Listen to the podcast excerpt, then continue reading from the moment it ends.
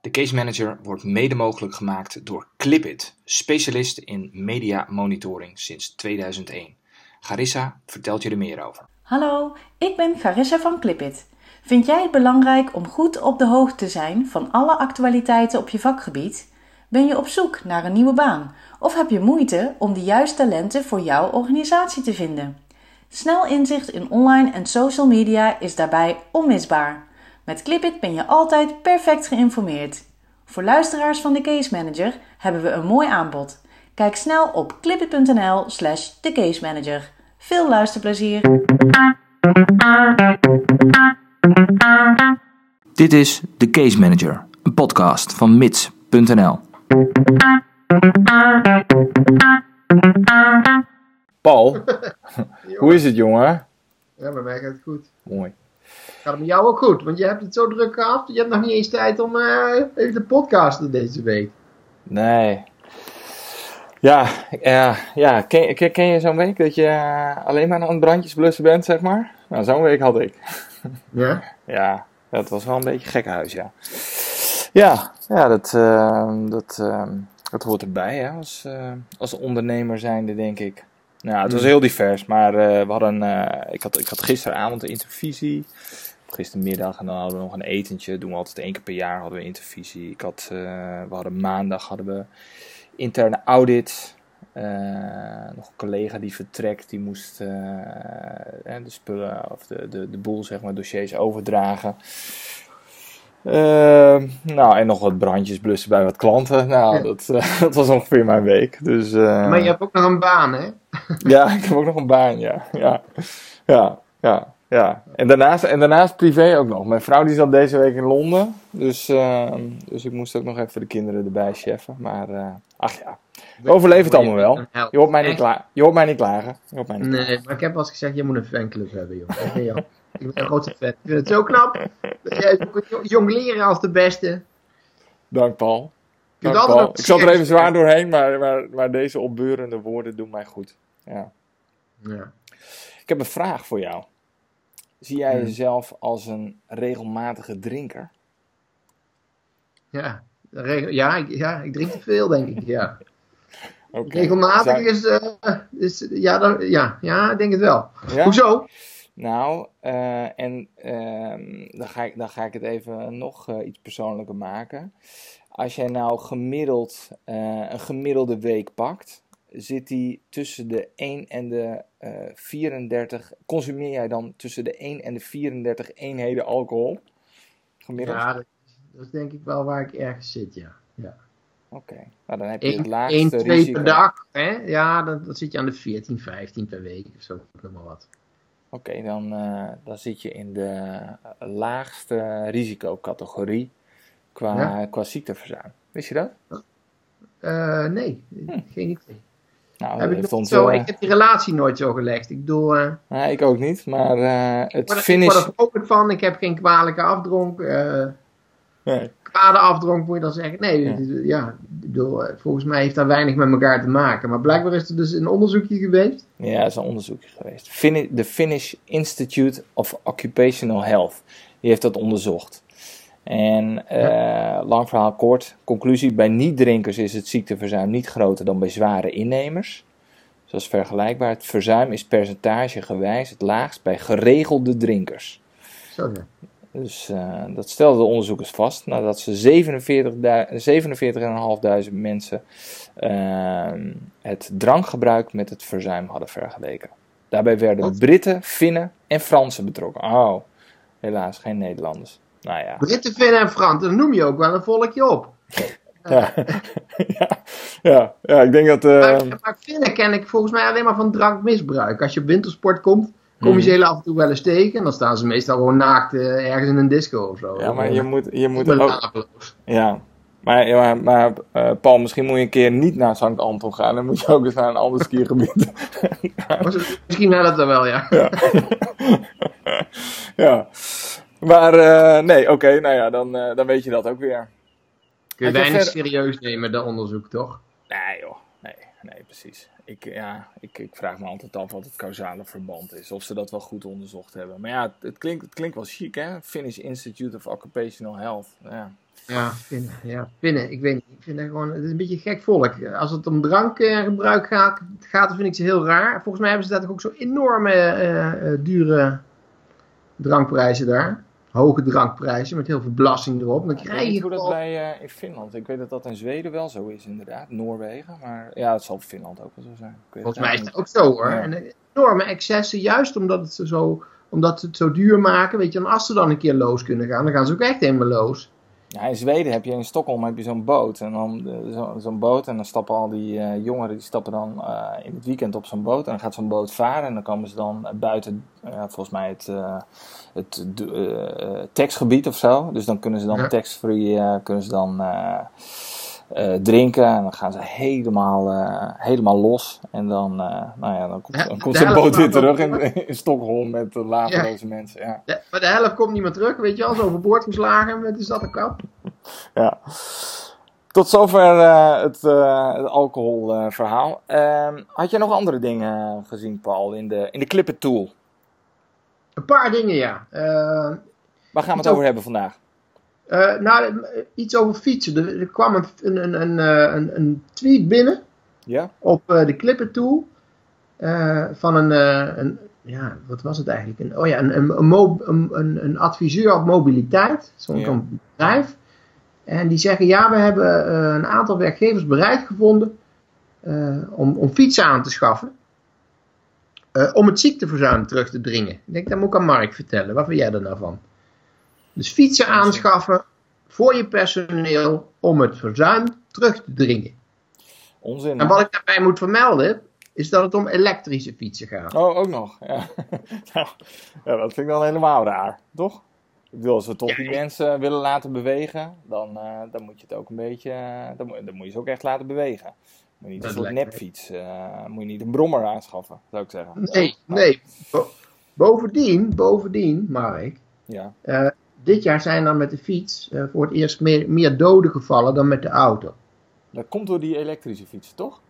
Nou, door de algehele drukte, denk ik. Uh, maar het zou goed kunnen dat het daardoor komt. Nee, ik, had, ik had een keer laatst, volgens mij stond een stukje in de krant, die, uh, dat ze zeiden van dat, dat nou, in een groot, groot percentage van de fietsongelukken, daar was, nou, een elektrische, ja, was een elektrische fiets bij betrokken. Dus ja, die snelheid ligt natuurlijk hoger, dus daardoor is de kans natuurlijk ook op een, uh, op een ongeval wat, uh, wat groter. Dus op zich ook wel logisch. Maar pro procentueel wa waren er uh, veel e-bikes bij, bij betrokken. Ja, ja. ja. Dus levensgevaarlijk maar die dingen. Met de fiets. Voor het eerst vorig jaar meer doden met de fiets dan met de auto. Hm. En 13.000 ernstige gewonde fietsers. Ik lepel die, die cijfers nu op omdat er een plan ligt ja. van, een, van een kwart miljard om uh, mensen meer aan de fiets te krijgen. Wat natuurlijk voor, voor de mobiliteit en de files en zo een hele goede, ook voor het milieu, ja. een hele goede is. Maar je kunt niet zeggen dat het nou zoveel gezonder is. De, daar nee. buy ik niet. Ik buy dat niet, ook niet, omdat in Nederland er wordt al... Ik ken geen land in de wereld waar zoveel gefietst wordt als in Nederland. Ja. Maar hier in Nederland is het verzuim ook veel hoger dan elders. Nou ja, dan kom je terug op jouw vraag van... Hey, is dit nou een goede, uh, is dit een goede maatregel die je moet treffen... om, om je ziekteverzuim uh, terug te dringen? Dus, Wat uh, een retorische vraag, hè? Nee dus. Nee, nee, het antwoord is natuurlijk nee. En we hadden het in een vorige podcast ook al even over. Hè? Want dit schaar ik dan onder de, onder de noemer preventieve maatregelen. En dat ook... Um, er was die hoogleraar, die had daar ook een onderzoek naar gedaan. En die zei ook van nee, uh, minimaal effect gaat eruit van preventieve maatregelen als je kijkt naar uh, hoe het zich vertaalt naar een daling in, uh, in ziekteverzuim. En dat, dat, is, dat is ook het verhaal wat ik altijd zeg. Preventie zit veel meer ja, te, bij, bij ja, um, ja, daar, daar speelt die leidinggevende nou juist, uh, juist die belangrijke rol. Hè? Dus dat hij uh, tijdig dingen signaleert. Uh, nou, je begint eigenlijk al bij de goede mensen aannemen natuurlijk. zorgen dat ze op hun plek zitten. Dat ze um, ja, voldoende uitdaging hebben. Niet over de klink gejaagd worden. Nou, ja, dat soort dingen. Ja, dat is, dat is de preventie. En niet hè, stoelmassages op het werk, uh, fruit uh, aanschaffen. Ik, en, en, dit dus ook, zo'n fietsmaatregel of, of sportschoolabonnementjes sponsoren wat ik altijd zeg tegen mijn klanten, doe het vooral. Maar doe het omdat je een goed werkgever wil zijn. Maar doe het niet omdat dit jouw poging is om je verzuim terug te dringen. Want dat, dat, dat werkt gewoon niet. Dat werkt, zo werkt het niet. Nee, nee. Dus wel goed initiatief. Prima, vanuit goed werkgeverschap. Je kunt een mooie sier mee maken op internet dus. Maar uh, nee, ik, ik moet hem teleurstellen als hij denkt dat zijn verzuimpercentage nu volgend jaar gehalveerd is omdat hij uh, voor die mensen allemaal e-bikes heeft aangeschaft. ja, dat zou wel mooi. Het zou makkelijk zijn als dat zo werkt. Ja, als het zo, als het zo makkelijk zou zijn, zou ik iedereen dat doen, denk ik. Ja. Dan moet je alle, alle politieagenten, alle gevangenisbewaarders, alle leraren gewoon een elektrische fiets geven. en dan heb je volgend jaar de helft van je, van je bezuin. Dat is echt. Ja. Ja. ja was het maar zo makkelijk. Ja. En waren wij ook niet meer nodig geweest, Paul, hè? Nee, joh. Dus misschien nee, ook wel weer goed ook. Ja. Ga niet fietsen. Vooral. Maar uh, Mark, uh, jij vroeg uh, wat heb je nog meer gezien? Eentje die jou misschien zou aanspreken. Een, een bericht. bedrijfsarts 2022. Ja. Zeg, gaat er bij jou dan een belletje rinkelen? Nee, helemaal niks. Nou, is een nieuw initiatief. Het komt een beetje tegemoet aan ja, de grote vraag naar bedrijfsartsen. Ja. Kijk, zoals je weet, je hebt ook een arbodienst. En het is voor jou heel moeilijk om een opleidingsbedrijf te zijn voor BIO's, voor bedrijfsarts en opleiding. Klopt, daar, daar, daar, ben ik recent achter gekomen. Daar, daar uh, zit er nogal wat. Uh, nou ja, dus, daar, heb je gewoon een pakket van eisen waar je aan moet, moet voldoen. Ja. Je kunt niet zomaar zeggen van hé, hey, we nemen een arboarts in dienst. En we betalen een, een opleiding voor die arboarts zodat die bedrijfsarts kan worden. Nee, dat, nee, dat, nee. dat is iets ingewikkelder. Precies, je moet door allerlei hoepels springen en je hebt allerlei verantwoordelijkheden, rapportage, maar ook naar die, naar die bio toe. Uh, en, en dus, dus in de praktijk eigenlijk niet te doen voor kleinere, middelgrote arbodiensten, misschien wel. Grote jongens die kunnen het wel. Ja. Uh, maar het punt is ook, niet elke bedrijfsarts wil uh, ja, bij een arbodienst in dienst treden. Nee. En die wil, niet iedere bio wil zichzelf vastleggen voor de komende zoveel jaar. Dus er is een initiatief gekomen, bedrijfsarts 2022, moet je maar eens opzoeken. Ja. Uh, en die hebben eigenlijk twee aanbiedingen. Uh, eentje gericht op, uh, laat maar zeggen, kleine arbodiensten. Ja. Dan, dan kun jij een bio, ehm, ja, laat maar zeggen, zelf in dienst nemen. Dat is een pakket all-in, kost je 9000 euro per maand. En dan heb je een bio die 30 uur per week voor jou beschikbaar is. Ja. En in die overige uren krijgt hij dus begeleiding van, laat ik maar even zeggen, bedrijfsarts 2022. Oké. Okay. Er zitten een, aantal organisaties zitten erachter. Dat is één pakket. Dan vind ik 9000 euro wat veel klinken. Uh, maar je kunt ook... Uh, Als die 30 uur declarabel is, dan... Uh... Ja, Nee, wacht eens even. Dat 9000 is voor als, uh, als je dus, laat ik maar zeggen, alleen gebruik maakt van uh, nee, als de bio... Moet je goed zeggen, Paul. Hey. Ja, nee, die 9000 euro is als de bio een dienst is van bedrijfsarts 2022, dan hoef je niks te doen. Dat is het. Ah ja. Maar je kunt hem ook zelf in dienst nemen en dan betaal je 2600 euro aan bedrijfsarts 2022. Ja. Maar dan moet je daarnaast ook nog loon betalen voor die 30 uur. En dan kan het dus zo zijn dat die, dat die bio ook nog een keer ZZP'er wordt. Dus dat die bij jou komt werken en een deel ergens anders. Waar het over gaat is dat die, dus, Wacht even, die 26, want ik ben even geïnteresseerd nu Paul. Hè? 2600 euro, dat is een eenmalige fee of dat is maandelijks? Nee, dat is maandelijks. Je betaalt 950 euro per jaar. En ongeveer 2600 euro dan per maand. Ja. Dan, dan komt hij bij jou werken. Ja. Maar dan, moet je wel het hele... Ja, ja, precies. Ja. Okay. Dan afhankelijk van hoeveel uur die bij jou werkt. Ja. ja dat is dus nog een arboarts. En in die uh, tien uur dat hij niet voor jou werkt, is hij de opleiding aan het doen. Zoiets. Voor ja. Via 2020, die regelt dat dan. En die, ja, die bekostigt die, die opleiding dan ook. Ja, dat zit er dan in. Ja. Klopt, ja. Dus die 2600 euro, je hoeft, hoeft, zelf zeg maar niet die... Uh, ah, op zich nog wel... Uh, op zich wel... ik, vind, ik vind het in ieder geval een goed initiatief, laat ik het zo zeggen. Ja, vond ik ook. Ik, ik moet er ook even, nog even goed naar kijken, want ik heb de informatie heel snel even gescand. Er is ook nog een ander aanbod voor die bedrijfsarts zelf. Dus als hij echt ZZP'er wil zijn, dan kan hij dus uh, ja, via bedrijfsarts 2022 een soort opleiding regelen. En dan kan hij als ZZP'er aan de slag bij diverse arbodiensten. Hm, als okay. Oké. Nou, dat is toch een, ik vind het een leuk initiatief. Ik ben benieuwd of dat, uh, of dat een beetje aanslaat. Ik ga, de, ik ga er eens even induiken, Paul. Ik vind het ook, uh, ik vind het ook interessant, inderdaad. Dus, uh, ja. nou, goed initiatief. Gaan we, eens even, gaan we eens even in de gaten houden. Ja, ik, had al, ik had ook nog even een puntje gezien, Paul. Uh, ik zag dat de, de boetes voor het niet nakomen van de nieuwe Arbo-verplichtingen bekend waren. Had je dat ook gezien? Die waren toch al langer bekend? Oh, is dat zo? Oh, dat had ja, ik dan even gemist. Maar die, die zijn niet zo hoog, toch? Nee, ik vond het wel meevallen. Nou ja, het is, het is niet. Uh, de, nou, ik zag veel 750 euro, 1500 euro, dat soort bedragen. Voor als je uh, bijvoorbeeld niet een uh, nieuw basiscontract hebt en, de, en dat soort zaken allemaal. Oh, was dat al bekend? Oh, sorry, had ik even gemist. Ik heb al een keer een quizvraag over gedaan. Oké. Okay. Zo'n half jaar geleden. Van hoe hoog is de boete als je betrapt wordt door de inspectie? Oké. Okay. En? Wat, wat, jij vindt ook uh, redelijke bedragen? Of, uh... ja, en jullie zitten natuurlijk nu aan te komen, hè? Hoe moet ik dat waarderen? Weet ik niet, maar ik vind het in ieder geval niet hoog. Ik sloeg niet stijl achterover van, goh, wat, uh, nee. ja, wat een ramp zou dat voor jou zijn, hè? Als je dus geen basiscontract hebt. Ik had eerder zoiets van, oh, ik vind het aan de lage kant. Ja. Maar ja. ik, ben, ik ben helemaal niet pro-boetes hoor, daar gaat het niet om. Ik denk dat, Gaan ze nog eerst even waarschuwen of niet? Dat is ook een goede vraag. Volgens mij uh, uh, is dat niet nodig. Je kunt gewoon direct een boete krijgen. Oké. Okay. Ja. Want er is natuurlijk genoeg aandacht voor. Dat moet genoegzaam bekend zijn, lijkt mij. Ja. Dus, maar ik weet niet of dat in de praktijk ook zo gaat. Of de soep zo heet gegeten wordt. Maar weet je, met zo'n boete, dan lach je toch om, Mark. Ja, nou ja, kijk, als jij...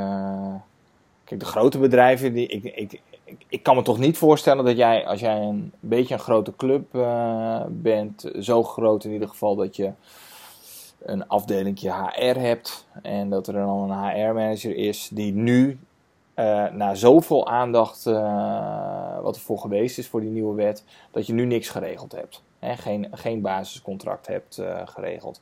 Dus het zijn met name de kleine, echt kleine bedrijven die denken van ja, uh, die, die misschien overvallen worden. Denken, oh joh, wist ik helemaal niet. Denk ik, hm. toch? Ja, moet, je moet wel een beetje onder steen gelegen hebben, maar... Nou ja, dat valt wel mee. Ik bedoel, je, je, je moet zoveel tegenwoordig. Ja, dat is ook zo hoor. Ik bedoel, als je mij dus de laatste, laatste wetgeving op het gebied van belastingrecht vraagt, dan, dan, dan weet ik het ook niet. Dus ja, ieder zo zijn ding. Maar dus een kleine dus werkgever zal... Ja.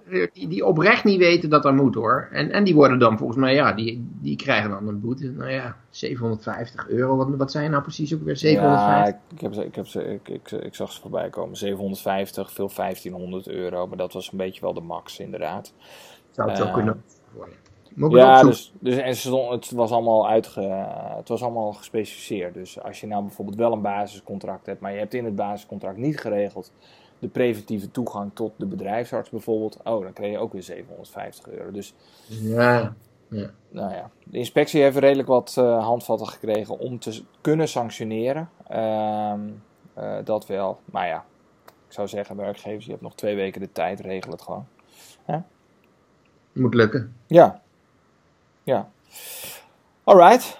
Um, hadden we verder nog uh, interessante dingen gezien in de Clipit Tool? Mm, niet zozeer aan de klippen toe, maar ik, ik wou je wel iets vragen. Uh, ik heb hem net, net ook op LinkedIn gezet. Het is nu, uh, wat is het nu, donderdagavond. Ja. En uh, het gaat over het volgende. Ik kreeg vandaag een loonsanctie. Tenminste, een, een werkgever die had een loonsanctie gekregen, Mark. Ja. Omdat hij onvoldoende reïntegratie-inspanningen zou hebben geleverd. Um, maar als je dan gaat kijken, de, wat, die werkgever die heeft omstreeks het eerste ziektejaar uh, een tweede spoorbedrijf ingeschakeld. Ja. Daar heeft hij 5000 euro voor moeten betalen. Maar die beste meneer, die zieke, die vond na twee weken zelf al een, uh, een baan ergens. Oké. Nou, en die is dan gaan werken en die ging uh, in uren vooruit. En die werkt ongeveer op de via-aanvraag zo'n 30 uur in de week. Mhm. terwijl, hij, terwijl hij 36 uren had. Ja. Hè, ik, moet ik, ik kan het niet te veel concreet maken, anders wordt het misschien spontaan herkenbaar en dat wil ik niet. Nee. Um, maar die werkgever die was verbolgen over het feit dat er een loonsanctie werd opgelegd. En nou is die beslissing uh, niet zo heel goed gemotiveerd van het UWV. Er was op, sprake van onvoldoende reïntegratieresultaat. Want? Er had meer in gezeten. Nou, ik ben er nog niet helemaal achter. En dat is op zich al natuurlijk al vervelend dat je niet genoeg weet, of niet, niet echt weet wat er, nou verwijt, wat er nou verweten wordt aan die werkgever. Maar het heeft er ook mee te maken dat UWV uh, eh, van mening is dat er een, uh, een, een, op een tijdelijk dienstverband voor deze meneer klaar ligt per einde wachttijd. En daar hebben ze wat moeite mee. Oh. En dat is wat ik jou wil vragen. Heb jij daar ervaring mee? Want je weet natuurlijk als langdurig zieke uh, op een gegeven moment ergens kunnen gaan werken, dan detacheer je ze. Ja. Tijdens de poortwachterfase, nietwaar? Ja, wordt, uh, wordt veel gedaan. Ja. ja. Ook omdat het is een beetje conceal or uh, reveal. Ga ik zwijgen of ja. vertellen of verzwijgen? Snap je wat ik bedoel? Ja, je bedoelt richting de nieuwe werkgever of je. Ja. ja of, of je wat markeert. Ja. ja precies. Maar ja, ja, ja, inderdaad, dat is de afweging. Oké. Vaak, vaak, komt zo iemand bij een andere werkgever binnen met behulp van een, een, een coach eh, eh, en kiest de reintegrant ervoor om gewoon open kaart te spelen. Dat hoeft hij niet te doen, maar daar kiest hij wel vaak voor. De meeste mensen zitten zo in elkaar. Die vertellen van, nou, ik ben, ik kan dit en dit niet, maar kan dat wel. En deze baan past bij mij. En in eerste instantie word ik bij jullie gedetacheerd, als jullie het daarmee eens zijn. En als de wachttijd is afgelopen, dan kan ik bij je komen werken. En dan heb je het voordeel van... De no-risk bonus, voilà. Precies. Maar ook dan, kijk, als zo'n werkgever bereid is om iemand in dienst te nemen, zal dat ook niet meteen met een vast contract zijn. Nee. Ehm, ik, uh, kijk, volgens mij staat er iets, uh, zeg ik even uit mijn hoofd. Uh, er moet zicht zijn op een, uh, een blijvende Nee, wat, hoe staat dat nou in het... Uh, in, in ja, zal, ik het je voorlezen? Want ik heb hem net even... Oh, even je hebt het even gecheckt. Ja, oké. Ja, want dit, dit is dus wat ik uh, aan je wil voorleggen. Kijk, in de, in de werkwijze poortwachter... Ja, dat bedoel ik. Daarin staat, hè... Uh, een werkervatting moet een structureel ja, karakter hebben. Dat, dat, dat was het, ja. Precies. Nee, van, en, en, bij mijn weten, we hebben dit in de, in de opleiding natuurlijk, uh, is het wel uh, regelmatig aan bod geweest. En bijscholingen ook wel. Dat structurele karakter. zonder dat het volgens mij ergens expliciet genoemd staat, dacht ik. Maar de vuistregel is een beetje dat, dat, dat dat een half jaar is, dacht ik. Ja. Dus op het moment dat je een half jaar contract. Ja? Zal ik het helemaal voorlezen? Want ja? Ja, volgens mij heb je, je hebt het goed hoor. Maar dit betekent dat de werknemer na afloop van de verplichte loondoorbetaalingsperiode in deze, periode, deze arbeid blijft werken. Het uitgangspunt is dat het om een aanstelling voor onbepaalde tijd gaat. en dan komt er een nieuwe alinea. Slechts in die gevallen waarin een aanstelling voor onbepaalde tijd niet mogelijk is, kan bij een nieuwe werkgever een aanstelling voor minimaal zes maanden, daar is dat half jaar van jou. Oké, okay, dat staat wel echt genoemd ook. Ja. Gerekend vanaf het einde van de verplichte loondoorbetaalingsperiode worden geaccepteerd. Hè? Dus minimaal zes maanden. Oké. Ja, de oorspronkelijke werkgever zal aannemelijk moeten maken dat binnen afzienbare tijd geen betere alternatieven beschikbaar zullen komen. En nou gaat het dus mij om die laatste zin. Lees hem nog eens één keer voor, Paul. Nou, dus even samenvattend. Werkervatting moet een structureel karakter hebben. Ja. Betekent eigenlijk na afloop van de uh, einde wachttijd uh, moet het om een in principe moet het om een onbepaalde tijd gaan bij voorkeur. Maar het mag ook uh, voor minimaal zes maanden zijn. Gerekend vanaf de einde wachttijd. Uh, minimaal zes maanden, ja. En dan die laatste zin. Uh, de oorspronkelijke werkgever zal aannemelijk moeten maken dat binnen afzienbare tijd geen betere alternatieven beschikbaar zullen komen. En dat is, waar, dat is nou de zin waar ik mee worstel. Wat moet hij dan aantonen precies? Zal hij moeten aannemen dat bij die werkgever waar die meneer gaat werken met een tijdelijk contract niks anders beschikbaar is? Of dat die werkgever zo'n beleid heeft van joh, iedereen die bij ons binnenkomt op die functie, die krijgt eerst een serie van tijdelijke contracten. Of moet die voormalig werkgever nog veel meer doen? Moet hij zeggen van ja, we hebben ook ja, bij andere werkgevers gekeken. Ja, maar dat laatste is ondoenlijk lijkt me. Ja, hoe doe je Dan dat moet je, dan? dan, moet je, dan moet je aantonen, moet je alle werkgevers in Nederland gaan noemen, zeg van, eh, en, bij deze club was het ook niet mogelijk, en bij deze club, nee, dus, dus ik denk meer dat het inderdaad erom gaat dat je moet aantonen van, hé, hey, dit is het maximale wat deze eh, werkgever eh, mij kan bieden. Ja. En dan denk ik, ehm, Nou, maar, dit is dus zo'n zo'n open norm, Mark, Ja. waar ik wat moeite mee heb. Want die- ik heb dus nu een werkgever, en dat is echt een, een hele kleine werkgever. Eh, die, die heeft, hebben maar een paar mensen in dienst. En eh, eh, die krijgen dus een loonsanctie. En naar hun eer en geweten hebben ze er alles aan gedaan om die meneer elders te plaatsen. Wat ook succesvol is geweest. Kosten nog moeite gespaard. En toch krijgen ze een loonsanctie. En het kan, het kan nauwelijks iets te maken hebben met, met eh, eh, laat ik maar zeggen, de loonwaarde. Want hij zit veel, op veel meer dan 65%. Hij werkt namelijk 30. ja, Terwijl zijn oorspronkelijke arbeid 36 was. En er komt ook nog bij dat hij gezondheidsklachten heeft. Waardoor hij waarschijnlijk, ja, hij zit in een bepaalde categorie. Wat, wat sowieso fysiek is. Waardoor hij nu, gezien zijn gezondheid, nog geen 36 uur aan kan. Dus het is ook aannemelijk dat er niet veel meer uit te halen valt. Maar daarnaast zit hij al aan een loonwaarde van meer dan 65%. Maar je En moet toch- nog even wachten op de volledige motivatie, begrijp ik. Maar jij vermoedt dus dat het hierin zit. Dat het, dat het zit dus in, het, eh, in, de, in de duur van het, eh, van het contract wat hij nu eh, heeft gekregen.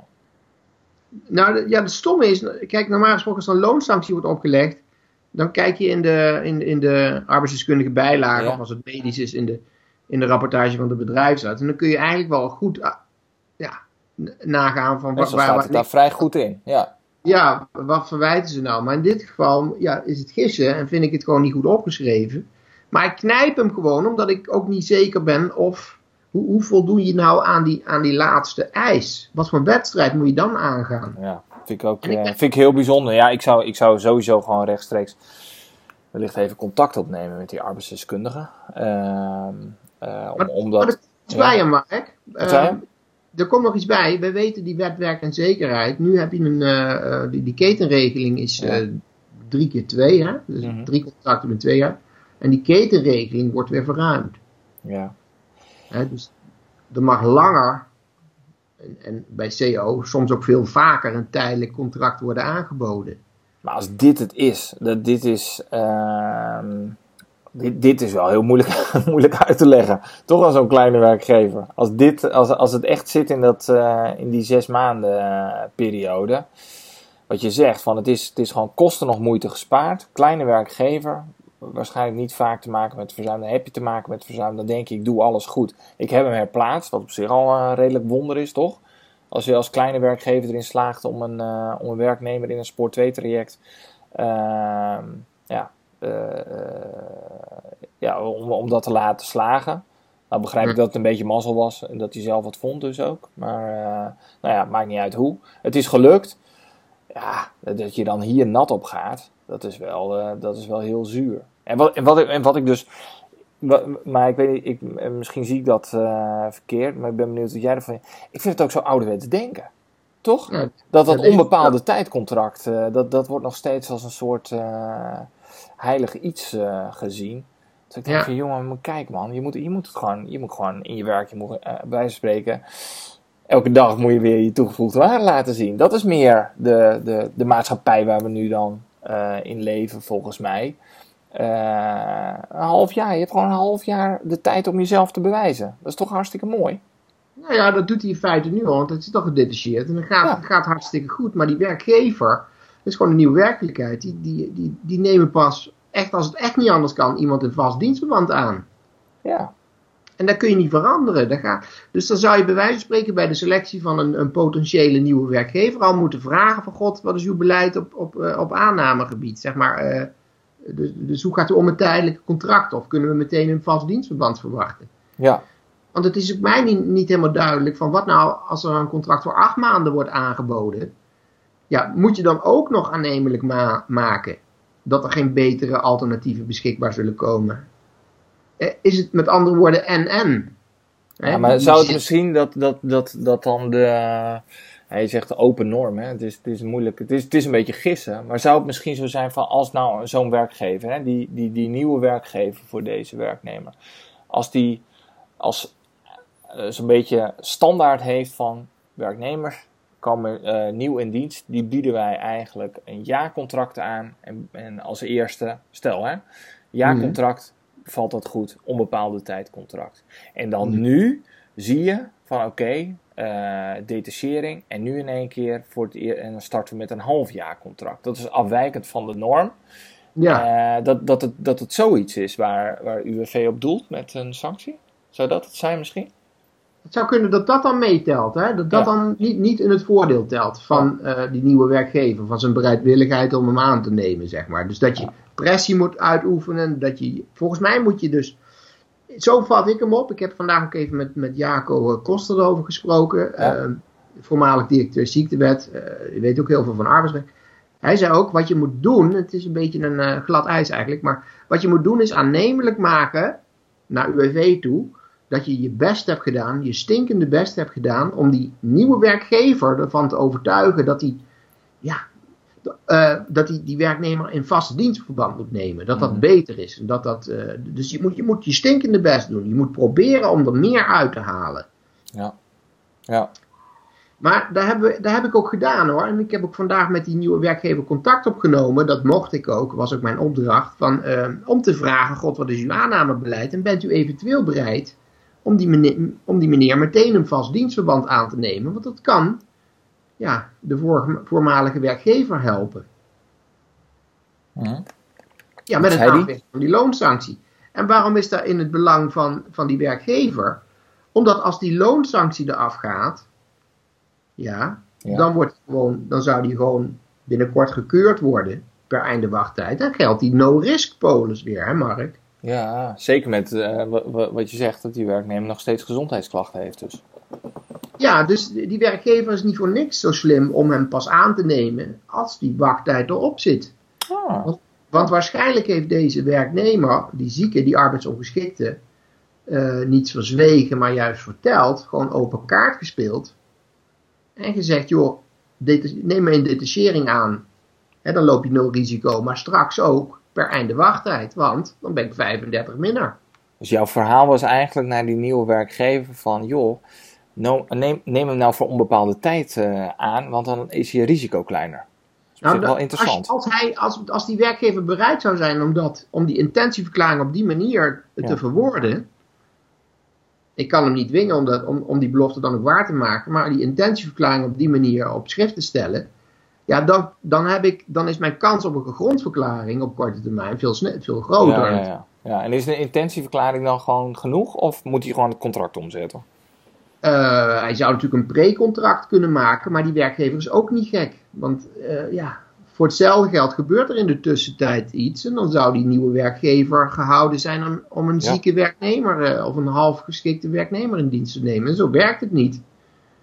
Als je nou eenmaal en als je dus gewoon open kaart hebt gespeeld, ja, dan is de consequentie daarvan dat die werkgever pas jou in dienst neemt en pas ook daadwerkelijk iets op schrift zet ja, op het moment dat die wachttijd voorbij is. Maar met dit soort uh, dingen heb ik vaker te maken hoor. Dat... Nou, wat, ik, uh, wat, wat ik wel vaker zie, is, is dat het daarvoor.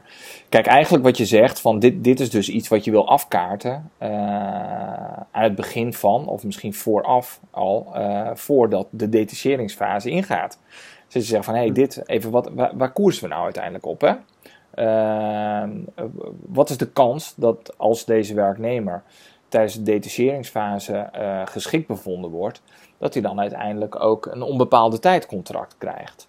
Nou, en dit is iets wat ik wel vaak fout zie gaan, juist bij, uh, uh, bij, bij, kleine werkgevers, is dat zij dat helemaal niet bespreken. Dus dat mm. zo'n detachering wordt dan ingegaan. En dan krijg ik wel eens zo'n dossier op mijn bureau. En dan zeg ik, joh, maar waar koersen we op met deze detachering? Nou ja, ik heb het idee dat ze, dat ze hem uiteindelijk niet in dienst gaan nemen. Ja, dan zeg ik, ja, waar zijn we dan mee bezig? In vredesnaam. Uh, dus dan is het, ja, er zitten ook gewoon hele opportunistische bedrijven natuurlijk bij. Die denken, joh, ik heb hier uh, uh, goedkoop een, een, een detacheringskracht. En ehm, als, het, als, het, als het uiteindelijk op het einde loopt, dan gaan we gewoon dat contract niet aanbieden. Ja, dat is natuurlijk heel erg zuur. Dus in die zin is het wel zaak. En dat, dat... Je, maar je zegt goedkoop. Um, ik vind dat wel een interessant punt wat je raakt. Maar, maar je kunt iemand niet, uh, uh, kun je iemand goedkoop gedetacheerd krijgen als die ziek is? Valt daar misbruik van te maken dan? Nou ja, uh, kijk wat je in feite doet, is, is je hebt die, die loondoorbetaling ligt nog steeds bij de werkgever. Dus ja. het is allemaal onderhandelbaar. Het is allemaal kijk. En, ja. en en, en, die, uh, en die oude werkgever denkt, hé, hey, we hebben hier met detacheren, want dan heb je toch het idee van, oké, okay, je, je, hebt, je hebt al al die kosten gemaakt, die bedrijfsarts is lange tijd in beeld, uh, dus daar zitten allemaal kosten aan de arboedienst, dan vervolgens uh, dat arbeidsdeskundig onderzoek, spoor 2, en dan denk je, hé, hey, we gaan nu via detachering en misschien wordt dit wel wat. Ja, dan ga je natuurlijk, dan, dan, dan zeg je, nou ja, dan zegt die werkgever, nou, ik zit, die nieuwe werkgever, ik zit, ik zit er niet echt op te wachten, maar ja, wie weet, laten we, het dus, laten we het gewoon eens even proberen. Maar je zit natuurlijk niet in een sterke onderhandelingspositie. Dus ja, je kunt wel redelijk goedkoop, kun je dat wel, uh, dat kun je wel uitonderhandelen, ja, als, als nieuwe werkgever. Uh, ja, en als oude werkgever denk je, ja, nou ja, het is, het is, het is, het is mijn kans op een, uh, op een succesvolle plaatsing. Succesvol reïntegratietraject. Dus, dus ja, dat kan, wel wat, dat kan wel redelijk goedkoop, denk ik. Ja. Nou, ik zie, ik zie trouwens, ik zit ondertussen te kijken op LinkedIn en uh, die discussie heb ik net geplaatst. Ja. Ik heb nog nooit zoveel reacties op kort, zo binnen, binnen een half uur gehad. Dus het is blijkbaar toch een onderwerp wat leeft, wat speelt, waar, waar meerdere case managers mee worstelen. Hoe moet je ermee omgaan? Ja. En wat ik al zei, het wordt, het wordt nog relevanter als die uh, ketenregeling weer versoepeld wordt. Ja.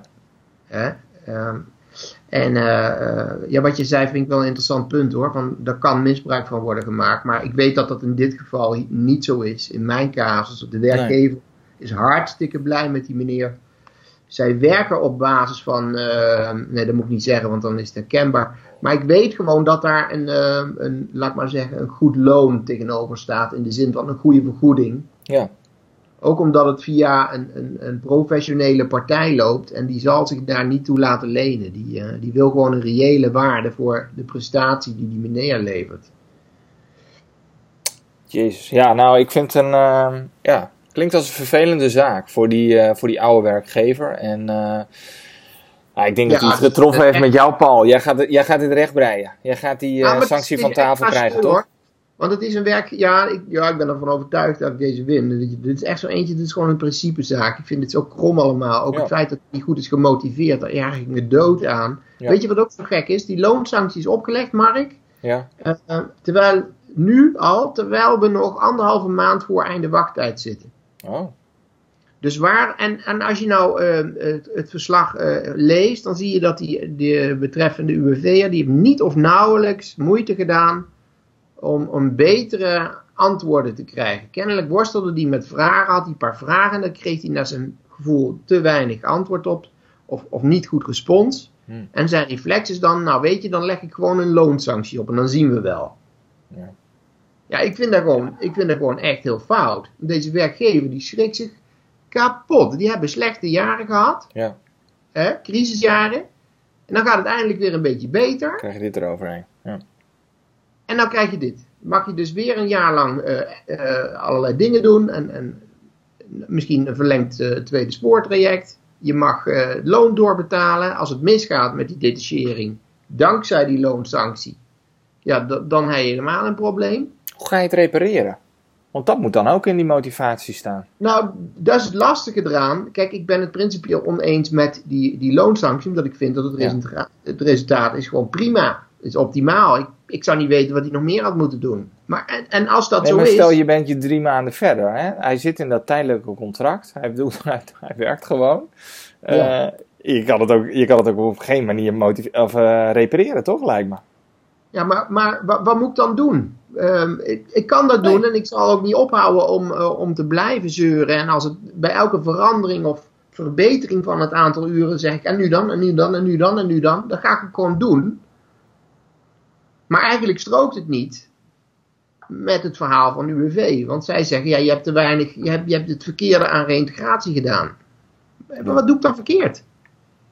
Ja, misschien is de tekortkoming dan dat je, dus wat jij eerder zei, van uh, je moet eigenlijk aantonen uh, dat je hebt zitten leuren voor een onbepaalde tijdcontract. En op het moment dat je dat kan aantonen, dat dan uh, ze overgaan tot keuring. Ja, maar, maar ook gezien de tijdstip van het opleggen van die, van die sanctie, vind ik, er is hier sprake van een soort preventieve loonsanctie. Ja, ja. Want je weet, moeten zich wel realiseren dat, dat ja, ze... Zo werkt het natuurlijk niet. Ja, ja het een zwaar in de gordijnen jagen. En als je dan opbelt geagiteerd van waarom doet u dit? Ja, dan vinden ze bijna vreemd dat je bij wijze van spreken uh, uh, nou, niet helemaal blij bent, zeg maar. Hè? Ja. Dat, dat je er ook een mening bij hebt. En uh, dus het is, het is weer heel apart. Ja. U heeft, u heeft hier weer een mening over, meneer Lammers. Ja, aha, aha, ja. Hey, ik had nog even één laatste puntje, want uh, uh, we zijn alweer bijna door de tijd heen. Uh, dat gaat, gaat hartstikke snel. Ehm, die compensatie voor de transitievergoeding, voor die Ja. langdurige arbeidsongeschikten. Dat, dat, ik las in de tool dat die, dat krijgt nu een beetje vorm. Had jij dat ook gezien? Ja, 2020 hè? Ja. Oké. Want wat, wat, eh, wat, wat, wat, wat zit er aan te komen? Want ik ben het even een beetje kwijt. Eh, even kijken, dit is al een paar weken oud, dat nieuws. Maar ehm, ja, er is al, ook al in het vorige kabinet gesproken over een, eh, een, een compensatieregeling voor die eh, eh, mensen die dus langdurig ziek zijn Ja. en na twee jaar bij exit, bij het eindigen van het dienstverband, ook nog een, eh, een eh, Transitievergoeding hebben gekregen. transitievergoeding krijgen. Ja. die, die toezegging is al meerdere keren gedaan, alleen ze worstelen een beetje met de goede regeling. Er zitten nog wat haken en ogen aan. Maar UWV heeft nu gezegd, ja, we kunnen het aan, maar alleen niet eerder dan per 2020. Oké. Maar de, dit is ook- dat moet geen nieuws zijn, want die is al vaker Oh. aangekondigd. Wordt het nu, maar, wordt het, maar ik denk misschien wordt het iets concreter. of, of je hebt nog niks, niks eh, daar, daarvoor gezien. Wordt, wordt, is het dan volledige compensatie? Of eh, wat, wat, wat, wat weet Volledig je in de zin van, eh, je krijgt je transitievergoeding gewoon, ja, voor zover het natuurlijk goed berekend is allemaal, krijg je terug. Ja? Maar je krijgt geen, als je transitievergoeding hebt moeten betalen over slapende jaren, dan krijg je die slapende jaren niet terug. Oké. Hè, dus stel dat je Ja. nu, eh, bij wijze van spreken, iemand die drie jaar geleden eh, einde wachttijd heeft bereikt, en je hebt hem drie jaar lang slapend gehouden, je zou nu dus een transitievergoeding moeten uitkeren, ja, dan moet je ook die drie laatste jaren meenemen Ja. eh, en uitbetalen. En Daarvoor krijg je niet compensatie. Maar ja, weet je, dat, dat, dat zal. eh, Ja. de meeste werkgevers liggen daar dan niet wakker van. Nee. Ehm, maar nou ja, hij komt er gewoon, weet je. Dus, maar je moet het wel goed bijhouden. Het is wel een piepsysteem straks. Je zult op de, al die gevallen zullen die bij elkaar. Maar als je, als je veel van dat soort gevallen hebt, moet je dus echt even zoeken van wie, om wie gaat het ook alweer en wat heb ik betaald. Ja. En dan moet je dan eh, ja, goed, goed aantonen dat je het correcte hebt gedaan en dat die medewerker echt ziek was. Hè, want je, je moet daar niet, niet dossiers gaan tussen smokkelen van mensen die niet langdurig ziek zijn Nee, geweest. Nee. wel, hè? Dus daar zit een soort controle komt erop. Nou ja, de, Dat loopt wel los. dat loopt wel los. Ja. Oké. Nou. Ja, ik ben toch weer veel wijzer geworden, Paul. Is het zo? Nou, Ja, ja, ja, in ieder geval dat jij tussen de 1 en 34 eenheden alcohol nuttigt eh, gemiddeld in een gemiddelde week. nee, maar Dat wist ik niet? Ik had wel een vermoeden, maar dat wist ik niet. Ja, En ik roken doe ik ook niet. Nee, nee, nee, nee, dat, eh, nee, joh, nee, natuurlijk niet. Maar dat doet niemand nog meer tegenwoordig. Ze zijn er toch allemaal mee gestopt? Jawel. Kappen. Ja, precies. Zelfs met die i-dingen. Belachelijk. Hey Paul, ehm, wij spreken elkaar volgende week weer. Ik hoop op een rustige Ja. week. De komende Ja. week. Rustiger dan deze week. En dan eh, spreek je eind volgende week weer. Ik wens jou een fijn weekend. De luisteraars ook een fijn weekend. En eh, tot de De volgende keer. Oké dan. Hoi. Doei. Dit was een aflevering van The Case Manager, een podcast van mits.nl. Vind je de podcast leuk? Vergeet je dan niet te subscriben. Dat kan via iTunes of Stitcher. En op die manier mis je nooit meer een aflevering. We zijn helemaal blij als je een positieve review wil achterlaten daar, dus op iTunes of Stitcher. Uiteraard helpt dat onze podcast, maar het helpt ook andere case managers om onze podcast te ontdekken. Paul en ik die lezen alle reviews en we willen graag jouw feedback horen. Heb je specifieke vragen of opmerkingen naar aanleiding van deze aflevering van de Case Manager? Laat dan even een comment achter op mits.nl onder de podcast. Hier vind je ook alle show notes. Nogmaals dank voor het luisteren, ook namens Paul. En graag tot volgende week bij de Case Manager. Doei!